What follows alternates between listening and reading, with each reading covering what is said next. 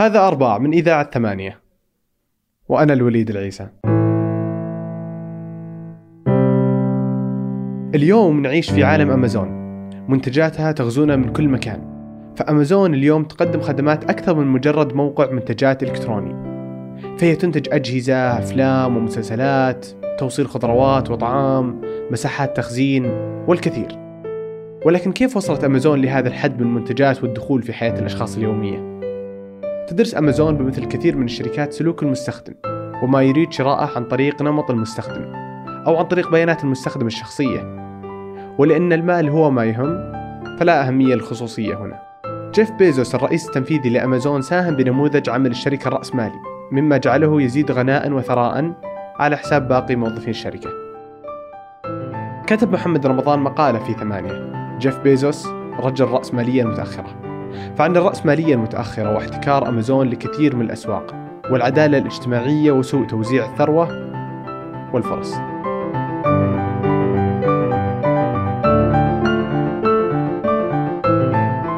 كلام كتير جدا حوالين الناس المليارديرات اللي بيزدادوا غنى بشكل كبير جدا وفي نفس الوقت اللي معدلات الفقر أو في أزمة اقتصادية مستمرة من بعد 2008 بتطال الطبقات الوسطى والطبقات الفقيرة سؤال ال inequalities أو سوء توزيع الثروة أو العدالة الاجتماعية هو سؤال دايما حاضر. م.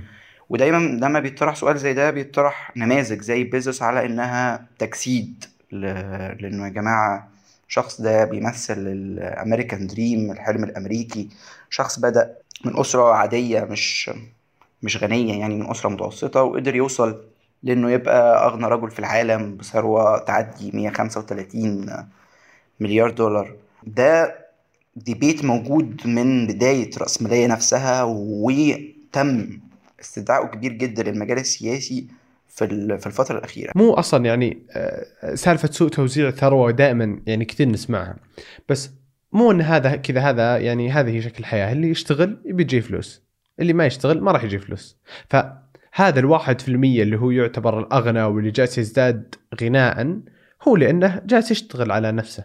مو أنه جالس في البيت وجالس يعني يعني هل هو يعتبر ظلم ال 99% الباقية؟ لما تيجي تتكلم عن سوء توزيع الثروه أنت ما بتتكلمش بس على إنه شخص اشتغل على نفسه وشخص ما اشتغلش. الفكرة في إنه هل الشخص تم توفير له توفير الفرص الكافية ليه لإنه يشتغل على نفسه؟ يعني مثلا هل ممكن نتكلم على إنه يبقى في آه، طفل في ساب سهران افريكا يعني في, في في أفريقيا أو في جنوب آه، آسيا في المناطق المحرومة في بنجلاديش أو في حتى في مصر. هل ممكن نتكلم إنه طفل زي ده هيقدر ياخد التعليم ورعاية صحية وكل ما يتطلبه إنك تطلع زي شخص زي جيف بيزوس هل عندنا في الوطن العربي مثلا جامعات تقدر تطلع ناس زي جيف بيزوس ده جزء برضو من الفكرة بتاعت إنه ده في سوء توزيع للفرص نفسها. يعني هو الفكرة إنه العدالة الاجتماعية مش بس إنه الناس معاها فلوس أو لأ مين اللي معاه فلوس ومين معهوش فلوس ولكن هي فكرة عدالة الفرصة نفسها م.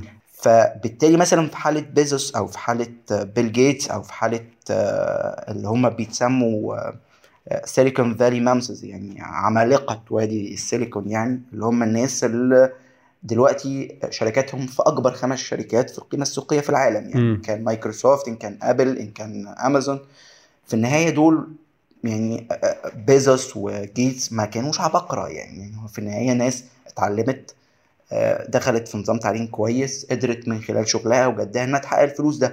بس هل المبلغ الكبير من الفلوس ده هو نتيجه جهدهم الحقيقة لأ. الحقيقة مثلا لما تيجي تبص على شيء خلى مايكروسوفت آه، واقع دلوقتي الإنترنت. الإنترنت اللي اخترعه هي داربا اللي هي من وحدة الأبحاث وزارة الدفاع الأمريكية.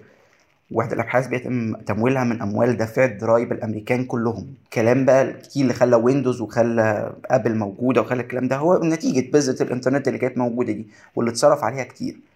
أه حاجات تانية هتلاقيها في الصناعات تحديدا. تبان القصة دي في الصناعات الدوائيه أكتر. هتلاقي إنه أغلب الشركات الدوائية الكبيرة فايزر أو غيرها بتقول إنها بتصرف كتير جدا على الأبحاث والتطوير وإحنا. عندنا ناس عبقرة فبالتالي ده يتيح لنا إن إحنا نبيع حقنة الأنسولين جوه أمريكا ب 1200 دولار. الحقيقة لأ الحقيقة إنه اللي خلى الأنسولين موجود برضه هو الضرايب العامة اللي اتخذت من الفقراء والطبقة الوسطى وبرضه الأغنياء دفعوا فيها. فبالتالي الدولة نفسها تمام ساهمت في إن الأشخاص دول يكونوا موجودين. يعني هو مش مجرد عباقرة. بقوا موجودين من الفراغ ولكن في سياقات وفي إزاي الناس دي بتتراكم الثروة.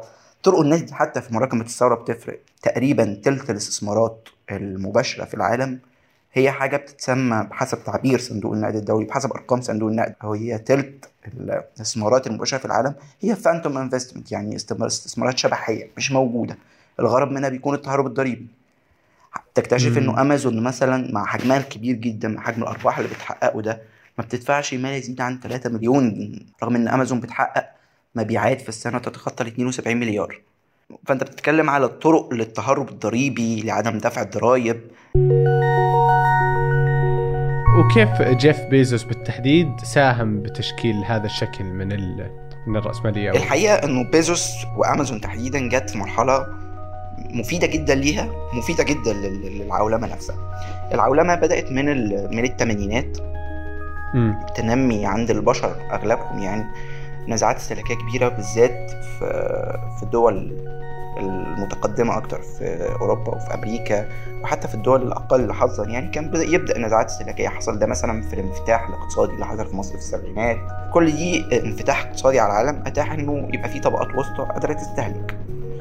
وبالتالي مع نمو النزاعات الاستهلاكية دي الناس بدأت سلوكيا تميل إنه آه، خلاص إنك بقت تنزل السوبر ماركت وتجيب السلعة. ده بالنسبة لها شيء متعب. الإنترنت ظهر. فبالتالي بدأ ينمو عند الناس شعور بأنه الراحة الناس مش عايزة تنزل. وبالتالي أمازون لما بدأت في 94 كانت متجر لبيع الكتب الإلكترونية. بيزوس كان عنده من اللحظة الأولى فكرة إن هو مش يبيع كتب إلكترونية بس هو عايز يتوسع لكل إنه يبيع كل شيء. من اللحظة الأولى كان عنده business model نموذج استثماري واضح وصريح جه مع مرحلة برضو لاحقة من العولمة اللي هي ال- ال- الأمولة اللي هي الاعتماد على القطاع المالي والبورصة ويبدأ أخبار البورصة تبقى موجودة بشكل دائم في النشرات. والشركة دي أسهمها سهمها بيزيد الشركة دي أسهمها بيقل. فبدأت البورصة والقطاع المالي يحتل مكان أكبر. فبالتالي بيزوس كانت فكرته بسيطة جدا. إحنا مش مهم الأرباح على المدى ال- القصير.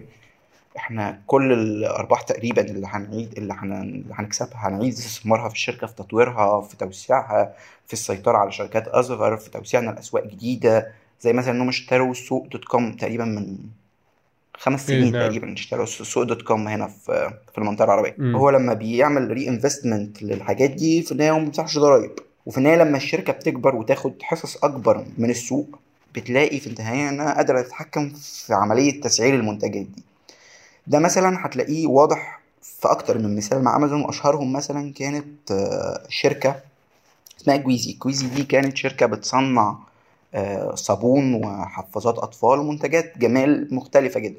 وكانت شركة بيتم التعامل معاها جوه البورصة في أمريكا على إنها the next big thing يعني اللي هو الشيء الكبير ال- ال- القادم. يعني في عالم في عالم التسوق الإلكتروني. بيزوس وأمازون عرضوا إنهم يشتروا يشتروا الشركة من أصحابها من من أصحاب كويتزي ولكن المديرين التنفيذيين لكويتزي رفضوا انهم كانوا في النهاية عندهم بوتنشال كبير جدا إنهم يبقوا منافس لأمازون.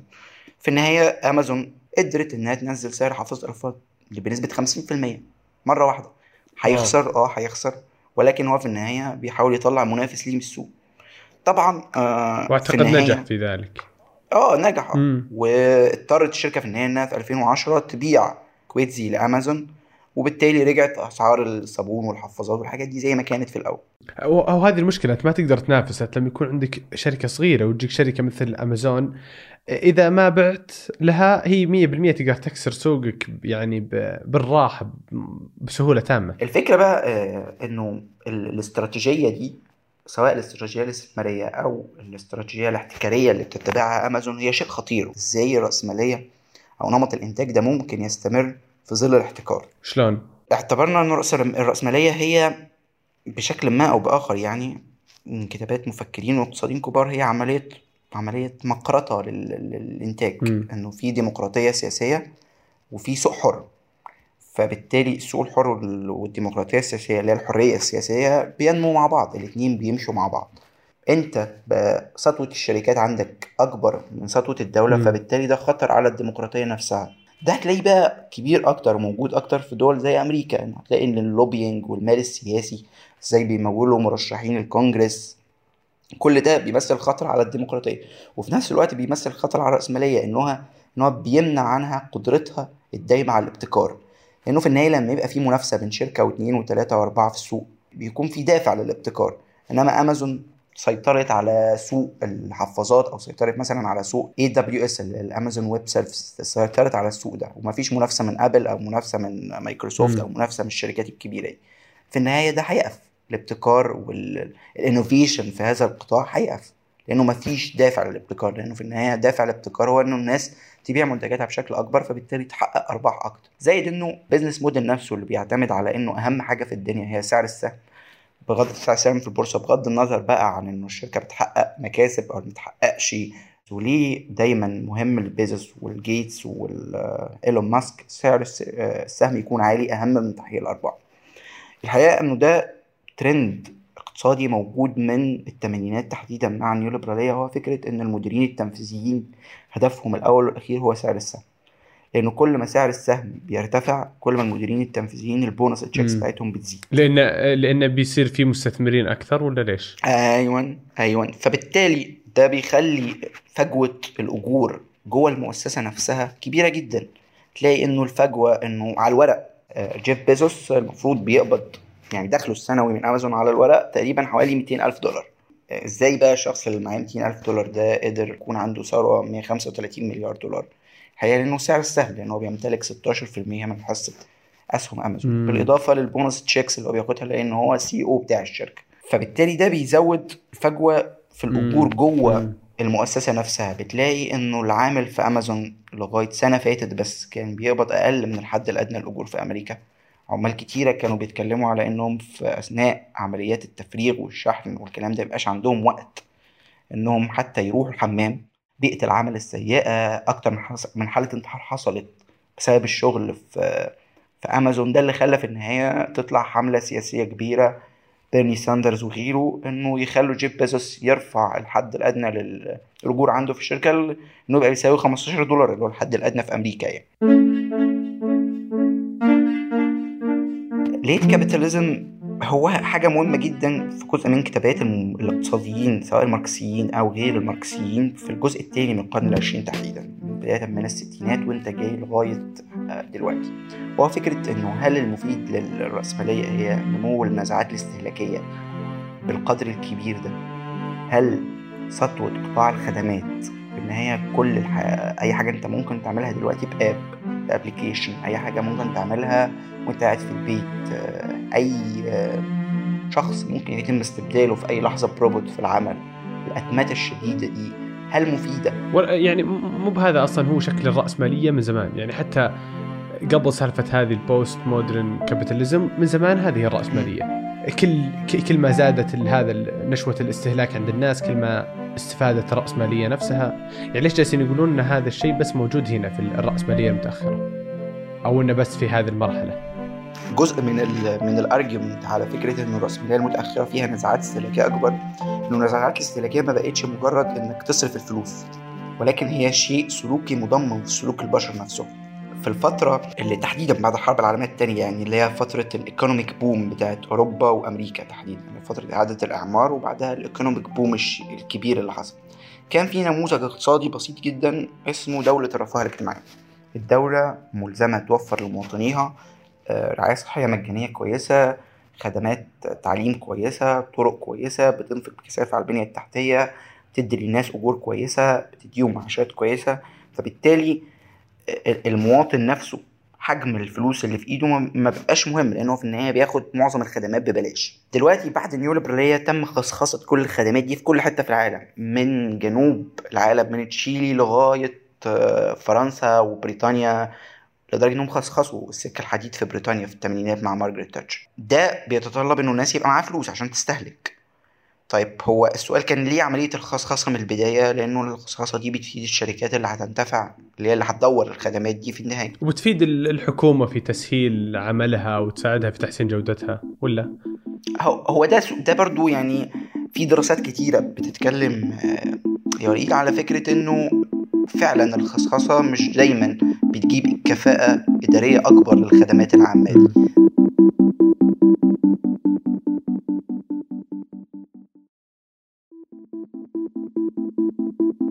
دي نزعة الاستهلاك الكبيرة دي اللي بقت جوه سلوك البشر نفسه هي مؤشر خطر لأنه هو في النهاية الناس مضطرة إنها تنتج مضطرة إنها تستهلك برشادة لأنه السوق لو المستهلكين تحركوا فيه بانعدام عقلانية زي ما بيحصل مثلا دلوقتي في ال Black Fridays بتلاقي إنه الناس بتستهلك أو بتهجم على سلع من المفترض إنه عليها خصومات وإن في الحقيقة معلهاش خصومات ولا حاجة.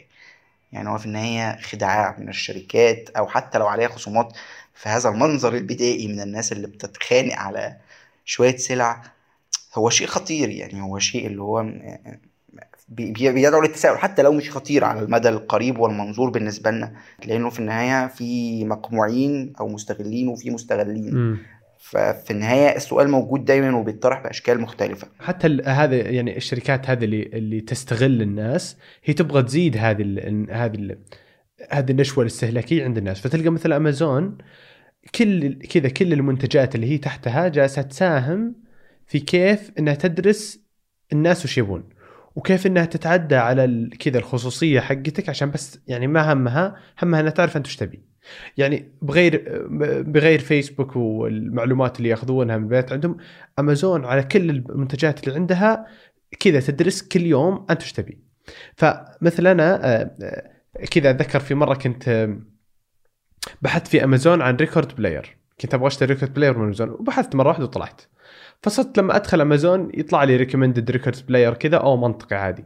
صرت لما أدخل مواقع ثانية مواقع برا امازون ما لها أي دخل في امازون الدعايات اللي تجيني كلها دعايات عن record player تخفيض record player بت... تعال لأمازون. أمازون نفس. مم. أمازون نفسها بتبيع البيانات دي وبيانات التصفح. بالضبط. وبيانات الاستهلاك بتاعتك لشركات تانية. مم.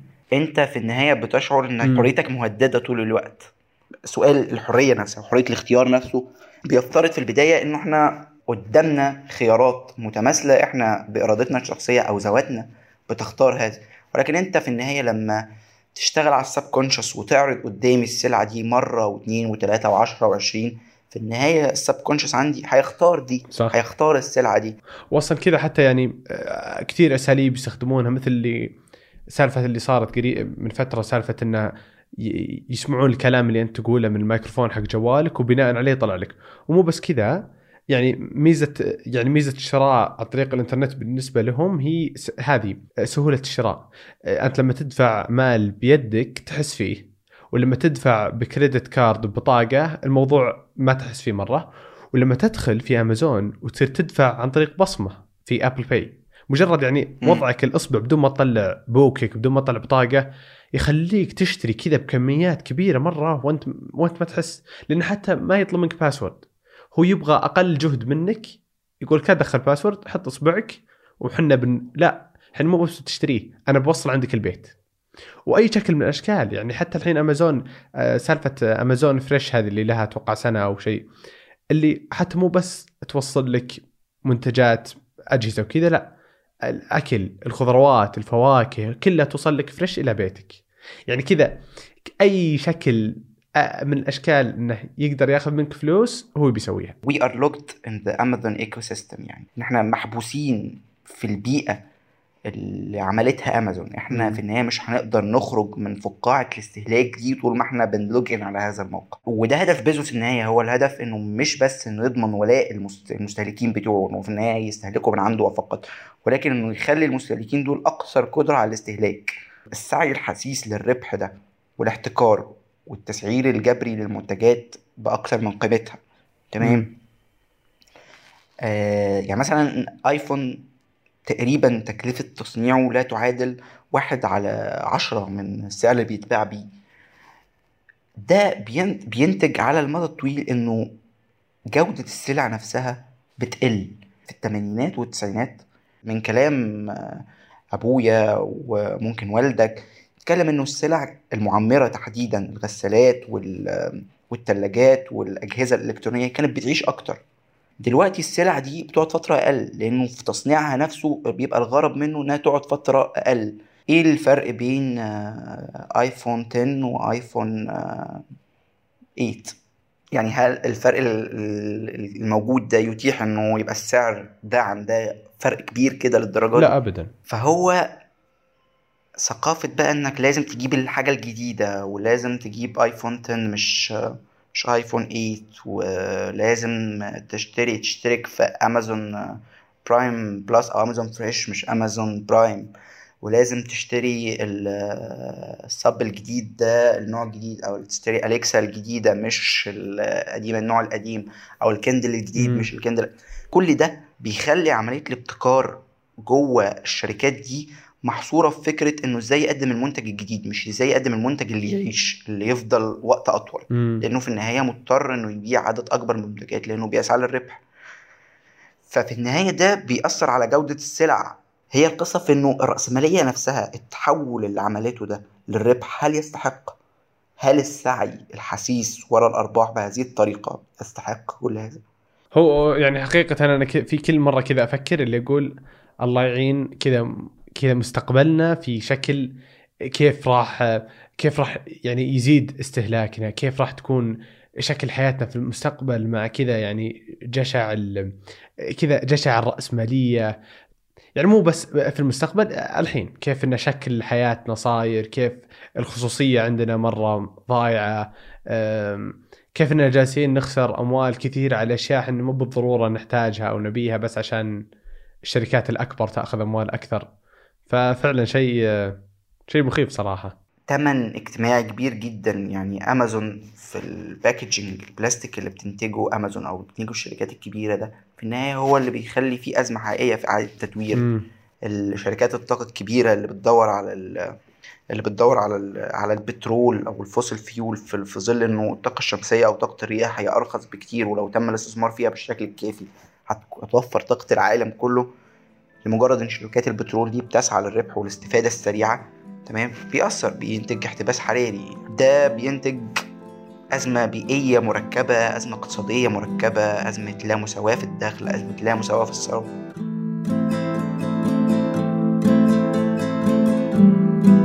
ليه مثلا الإنوفيشن ده ما يتوجهش لمحاربة أمراض حقيقية مم. البشرية بتواجهها هتلاقي إنه السبب في النهاية إنه الشركات المال هو ما يهم. والمصابين بالملاريا في أفريقيا وفي جنوب آسيا ما معهمش فلوس يدفعوا ثمن الدواء اللي إحنا هننتجه فبالتالي عدم إنتاجه مش مهم.